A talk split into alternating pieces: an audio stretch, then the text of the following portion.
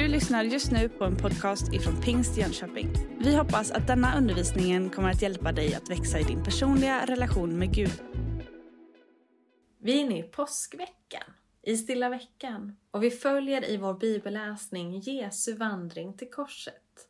Jag heter Beatrice Bergeroth och idag så kommer vi att läsa ifrån Lukas evangeliet kapitel 22 och 54 till och med kapitel 23 12. Vi dyker in i berättelsen precis efter att Jesus tillfångatagits av översteprästerna, ledarna för tempelvakten och de äldste. Vi läser. Då grep de Jesus och förde bort honom och tog honom till översteprästens hus. Petrus följde efter på avstånd. Mitt på gården tände de en eld och slog sig ner. Och Petrus satte sig mitt ibland dem. En tjänsteflicka såg honom sitta där vid elden. Hon betraktade honom noga och sa, den där var också med honom.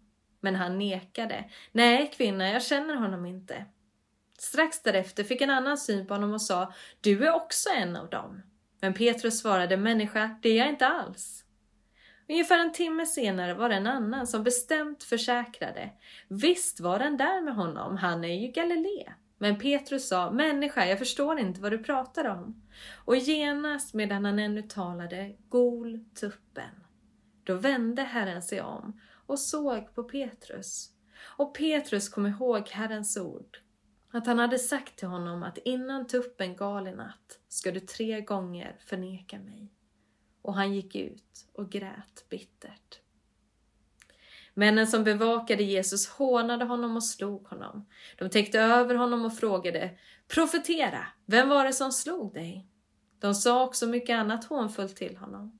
När det blev dag samlades folkets äldste, både överstepräster och skriftlärda. De lät föra honom inför sitt råd och frågade Är du Messias, så säg det till oss. Han svarade dem Om jag säger det till er tror ni det inte, och om jag frågar svarar ni inte. Men härefter ska Människosonen sitta på Guds den allsmäktiges högra sida. Då frågade alla, så du är alltså Guds son? Och han svarade dem, ni själva säger att jag är. De sa, behöver vi något mer vittnesmål? Vi har själva hört det från hans egen mun. Alla de församlade bröt nu upp och förde honom till Pilatus. Där började de anklaga honom och säga att vi har funnit att den här mannen förleder vårt folk. Han förbjuder att man betalar skatt till kejsaren och han säger att han är Messias, en kung. Pilatus frågade honom, så du är judarnas kung? Jesus svarade, du själv säger det. Pilatus sa då till översteprästerna och till folket, jag ser inget brottsligt hos den här mannen. Men de var påstridiga och sa, han hetsar upp folket med sin lära över hela Judeen, från Galileen och ända hit. När Pilatus hörde detta frågade han om mannen var Galilé. Och när han fick veta att Jesus kom från Herodes myndighetsområde skickade han honom till Herodes som också var i Jerusalem under de dagarna. När Herodes fick se Jesus blev han mycket glad. Han hade längtat, han hade länge velat träffa honom, för han hade hört om honom och hoppades nu få se honom göra något tecken. Herodes ställde många frågor till Jesus, men Jesus svarade honom inte. Översteprästerna och de skriftlärda stod där och anklagade honom häftigt. Då fick Herodes och hans soldater förakt för honom. Och han hånade honom genom att sätta på honom en praktfull dräkt innan han sände honom tillbaka till Pilatus. Den dagen blev Herodes och Pilatus vänner med varandra. Förut hade det rått fiendeskap mellan dem. Det här är sammanhanget när Jesus grips, förs bort, misshandlas och ställs inför rätta. Han grips av de som hade kommit till Olivberget och de, för honom, och de för honom till gården vid översteprästens hus inne i Jerusalem. Det tycks inte handla om en formell vaktstyrka utan snarare tjänare till översteprästen och män ur folkhopen. Detta utspelar sig på torsdagskvällen och själva förhören inleds enligt Lukas dagen efter. Det här det är en del av Jesu lidande berättelse, vägen till korset. Där Petrus förnekelse får en ganska framträdande roll. Som läsare så vet vi att Jesus tidigare hade förutsagt att Petrus skulle förneka honom tre gånger och Petrus hade uttryckt hur detta omöjligen skulle kunna ske. Framställningen av Petrus förnekelse börjar med informationen att han följde efter den arresterade Jesus på avstånd in på översteprästens gård. Så långt försökte Petrus att hålla sitt löfte om att både gå i fängelse och i döden för Jesus. Men när det kom till kritan så förmådde han inte att fullfölja sitt löfte. Tvärtom så förnekade han Jesus redan den första natten. Han blev igenkänd av tre olika personer och förnekar varje gång att påståendena om honom stämmer. Precis i gryningen, just som en tuppgol, förnekade han för tredje gången. Både vi som läsare, men också Petrus själv inser att det som Herren hade sagt till honom hade gått i uppfyllelse. Men det var inte tuppen skalande som väckte Petrus ur sitt oförstånd och svek, utan att Herren vände sig om och såg på honom. Hur Jesus såg på honom, det vet vi inte. Men vi ser i texten att Petrus gick ut från innergården och grät bittert. I ljuset av att Petrus tidigare försäkrat Jesus om att han aldrig skulle förråda honom kan det där gråtet förstås som ett uttryck för både skuld och ånger. Till Jesu lidande hörde inte bara myndigheternas övergrepp och soldaternas hån och smädelser, utan även en lärjunges förräderi och en annans svek och förnekelse. Petrus han höll inte ut i prövningen och därför grät han bittert. Och kontrasten mellan Jesus och Petrus blir tydlig. I texten så följer sedan hur vakterna hånar och misshandlar Jesus. Av Lukas beskrivs det som att, som att det var männen som bevakade Jesus. De binder också hans ögon och utmanar Jesus när de säger Visa nu att du är en profet. Vem var det som slog dig? Jesus avkrävdes belägg för sin profetroll. Alldeles nyss har vi som läsare redan fått belägg för att Jesus var en profet genom att han hade förutsagt att Petrus förnekelse skulle ske och tuppen skalande. Men detta kände inte vakterna till. Att de överhuvudtaget prövade Jesus som profet speglar också den inställning som man i allmänhet hade till Jesus, att antingen var han en sann eller en falsk profet. Men något tecken som identifierar honom som profet fick inte vakterna, vilket förklarar varför de fortsatte att ösa glåpord över honom. Efter berättelsen om Petrus förnekelse fortsätter Jesu lidande berättelse med en serie förhör. Först inför Stora rådet, sen inför Pilatus och Herodes, innan Jesus slutligen döms till korsfästelse.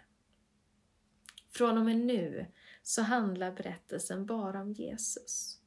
Under förhören och korsfästelsen är lärjungarna frånvarande eller på avstånd. Först efter att Jesus har dött återkommer de som vänner. Lukas använder nära nog lika stort utrymme för att beskriva förhören som för själva korsfästelsen och döden. Och det visar sig ha både ett apologetiskt men också ett kristologiskt syfte. Till formen så är det fråga om en serie av rättegångsberättelser och Lukas han ger ett signifikativt tillägg. Bland evangelisterna så är han ensam om att återge ett förhör inför Herodes. I det första förhöret då, då ställs Jesus inför Stora rådet. Och enligt Lukas så sker det på fredagen då folkets äldste eller äldsteråd, både överstepräster och skriftlärda sammanträder. Denna grupp som Jesus fördes in till kallas rådet och det var judarnas högsta domstol och beslutande organ i frågor som den romerska ockupationsmakten tillät självstyre. Förhöret inleds med frågan är du Messias? Genom tillägget, så säg oss det. Det här visar att frågan har blivit en uppmaning. Och här svarar Jesus på frågan, om en undvikande, när han säger om jag säger det kommer ni inte att tro det och om jag börjar fråga kommer ni inte svara. Därmed så behåller Jesus kontrollen över situationen. Något tvetydigt avvisar han deras syn på Messias och ger sin syn med hjälp av ett citat från Kungasalmen 110 och vers 1. Men härefter ska Människosonen sitta på Guds den allsmäktiges högra sida. Höger sida, det är en metafor för styrka och makt. Och Messias är den som har krönts till Guds ställföreträdare och samregent. Genom användandet av termen Människosonen istället för Messias så identifieras den krönte kungen med en människogestalt. Indirekt gör Jesus även i Lukas evangeliet anspråk på att bli krönt till Messias med gudomlig makt i en nära framtid. De äldstes följdfråga är, du är alltså Guds son. Den är Lukas ensam om att återge. Och genom frågan förstärks att Jesus skulle tillfrågats inte bara om sina kungliga anspråk utan också om sina anspråk på ett särskilt förhållande till Gud. Och Jesus svar är, ni säger själva att jag är det. Vilket får uppfattas både som en bekräftelse och ett ironiskt undvikande till följd av olika tolkningar av begreppet Guds son. I och med att Jesus inför Stora rådet gjorde två, tvetydiga anspråk på att inom en snar framtid bli krönt till Messias, Guds son, så utger den här scenen höjdpunkten på en serie av kristologiska scener i evangeliet där Jesus gör den här typen av anspråk. För Stora rådet så behövs inga fler vittnesmål. Slutsatsen, vad ska vi nu med vittnen till? Det räckte med Jesu egna, om än tvetydiga, bekräftelser och anspråk om att vara Guds son. Det andra förhöret, det sker inför den romerska ståthållaren Pilatus. Pilatus var prokurator i provinsen Judeen från år 26 till år 36 efter Kristus. Det innebar att han var kejsarens ställföreträdare och i Pilatus fall så ansvarade han för provinsstyrelsen i Judeen. Att Jesus överhuvudtaget förs till Pilatus berodde på att det judiska rådet inte kunde verkställa dödsstraff. En politisk anklagelse var nödvändig för att få Jesus dömd. Och anklagelsen att den här mannen förleder vårt folk, som det judiska ledarskapet framför, är alltigenom politisk och består av två punkter. Först anklagades Jesus för att vilja förhindra det judiska folket att betala skatt till kejsaren, sedan för att säga sig vara Messias och kung. Det judiska ledarskapet har försökt få fast Jesus för något yttrande så att de eh, kunde överlämna honom till den romerska ståthållaren och nu så anser man då att man har funnit det. Innebörden i den första anklagelsen det är att Jesus skulle uppmana till uppror mot den romerska ockupationen och dess tunga beskattning av det judiska folket. Som läsare så vet vi dock att något sådant inte omtalats i den föregående berättelsen. Tvärtom så har Jesus besvarat skattefrågan utan att uppmana till revolt mot Rom, när han i Lukas kapitel 20 svarade Ge kejsaren det som tillhör kejsaren och Gud det som tillhör Gud. Pilatus han tar bara upp den andra anklagelsen och frågar Du är alltså judarnas kung? Pilatus tar inte upp den religiösa dimensionen i anklagelsen utan den politiska. Och som svar tolkar Jesus frågan något ironiskt. Inte som en fråga utan som ett påstående och säger Du själv säger det. Pilatus själv får stå för vad han säger men underförstått så håller Jesus med honom. Att Pilatus skulle ha sett honom som en kungarepresentant det avvisas genom att han menar att han inte finner mannen skyldig till något brott, det vill säga som förtjänar dödsstraff. Pilatus menar alltså att Jesus inte utgjorde något politiskt hot mot Rom. Scenen avslutas med att ledarskapet såg på sig sina anklagelser mot Jesus och försäkrade sin anklagelse med att också ge en geografisk hänvisning till hur Jesus hetsat upp folket och säger att det hela Judeen med sin undervisning från Galileen och ända hit. Underförstått så menar de judiska ledarna att detta Det borde oroa Pilatus. Att Jesus verksamhet varit så omfattande i hela Israel. På grund av geografin skickar Pilatus vidare honom istället till Herodes. Och han omtalar Jesus än en gång som den här mannen, istället för vid namn, för att framlyfta hur betydelselös och okänd Jesus var för honom. Troligtvis är det också därför som Pilatus väljer att skicka honom vidare till Herodes när han får veta att den här mannen är från Galileen. Det tredje förhöret som vi har läst om, det sker alltså inför Herodes Antipas. Detta förhör är Lukas ensam om eh, hos, bland evangelierna om att skildra. Herodes ärvde sitt ämbete efter sin far Herodes den store och han regerade i Galileen som lydförste under Rom fram till år 39 efter Kristus. Vi får veta att Herodes är i Jerusalem och sen tidigare så vet vi som läsare att Herodes ville möta Jesus.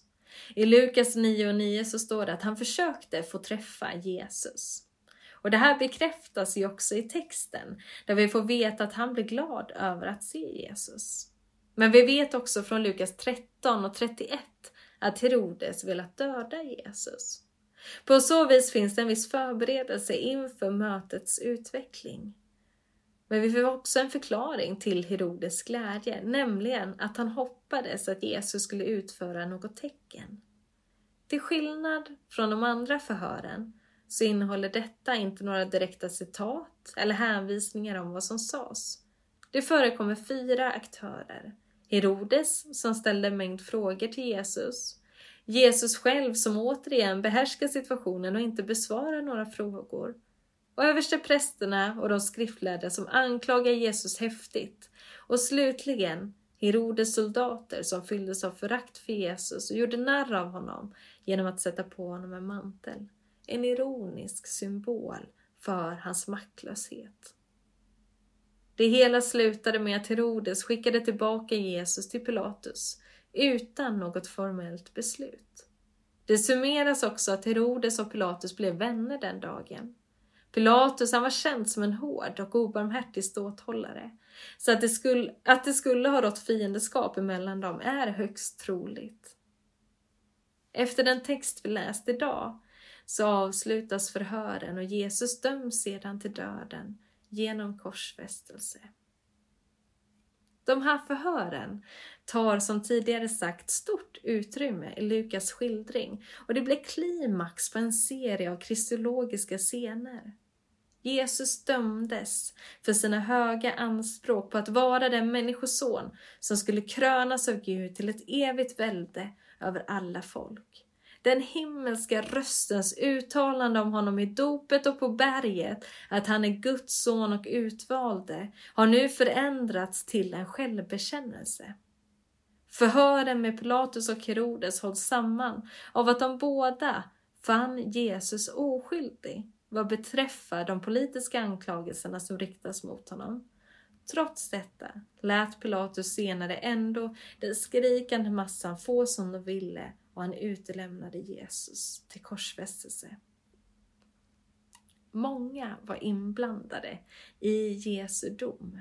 Alla hade de sin bild av Jesus, sin uppfattning om honom och uttalade sin dom. Sveket finns också tydligt i den här berättelsen, inte minst genom Petrus. Men här finns också dömandet. Ett beteende som även vi riskerar att drabbas av i våra relationer. Att vi granskar varandra och ser bristen hos varandra. Ingen är felfri. Och visst riskerar även vi att haka på andras uppfattningar om andra människor. Folkhopen hetsades av några, men de hetsade också varandra. Tänk vad viktigt det är att söka sanningen men också att tala gott om varandra och tro på varandra. Tro att varje människa har något gott och utvecklingsbart i sig och att se varandra. När vi läser den här skildringen så kan vi förfaras över hur lättvindigt man fördömde Jesus av rädsla för det främmande och nya på något sätt. Och man hade ju kunnat fråga sig hur det hade gått till i vårt samhälle idag. Hur stor skillnad hade det blivit? Ja, troligtvis hade han inte blivit dömd till döden, men säkert utvisad till marginalen. Jesus han ifrågasatte den korrumperande makten och han trodde på ett annat rike. Och under sina förhör så visste han vart han var på väg. I Jesaja 53 och 7 kan vi läsa en profetia om Jesus där det står så här. Han blev misshandlad, men han ödmjukade sig och öppnade inte sin mun. Som ett lamm som förs bort för att slakta, som ett får som är tyst inför den som klipper det, så öppnade han inte sin mun. Jag har idag två uppmaningar som jag vill skicka med dig utifrån texten vi läst och fördjupat oss i. Den första är att tala väl om andra och göra vad du kan för att undvika att bli dömande och påverka människor i din omgivning till en negativ syn på människor. Gör vad du kan för att tro gott och se potential i andra. Det andra är att du oavsett vad du har varit med om bakåt i ditt liv kan närma dig Jesus Kristus. Petrus han hade vandrat med Jesus i flera år. Petrus var frimodig och hade i närtid till att han förnekade Jesus, inte bara en gång utan tre gånger, försäkrat om att det aldrig skulle ske. Petrus, han grät bittert och han fick se sin frälsare korsfästas i vetskapen om att han dog, medveten om Petrus svek. Men i och med Jesu död har inte döden sista ordet. Jesus uppstår och han möter Petrus med kärlek. Och det han gör då är att få, fråga Petrus om han älskar honom. Och Petrus han får bekräfta sin kärlek till Jesus tre gånger som en form av upprättelse efter att ha förnekat honom tre gånger. Och Jesus han ger Petrus ett uppdrag både som ledare för andra men framför allt att följa honom. Och det gjorde sen Petrus med en förnyad frimodighet. Det finns fler chanser. Gud är tillgänglig för oss och vi får idag och alla andra dagar komma till honom, be honom om förlåtelse och överlåta våra liv i hans händer. Vi ber tillsammans. Jesus Kristus, tack för att du älskade oss så mycket. Att du valde att ge ditt liv för vår skull. Tack för att vi får ta emot dig i våra liv som Herre och Frälsare. Förlåt oss våra svek och hjälp oss att leva liv i efterföljelse till dig. Hjälp oss att lita på dig och hjälp oss att se andra människor med dina ögon, att inte döma utan att tala gott om andra. Vi läser också Herrens välsignelse tillsammans till avslutning. Herren välsigne oss och bevara oss. Herren låter sitt ansikte lysa över oss och vara oss nådig.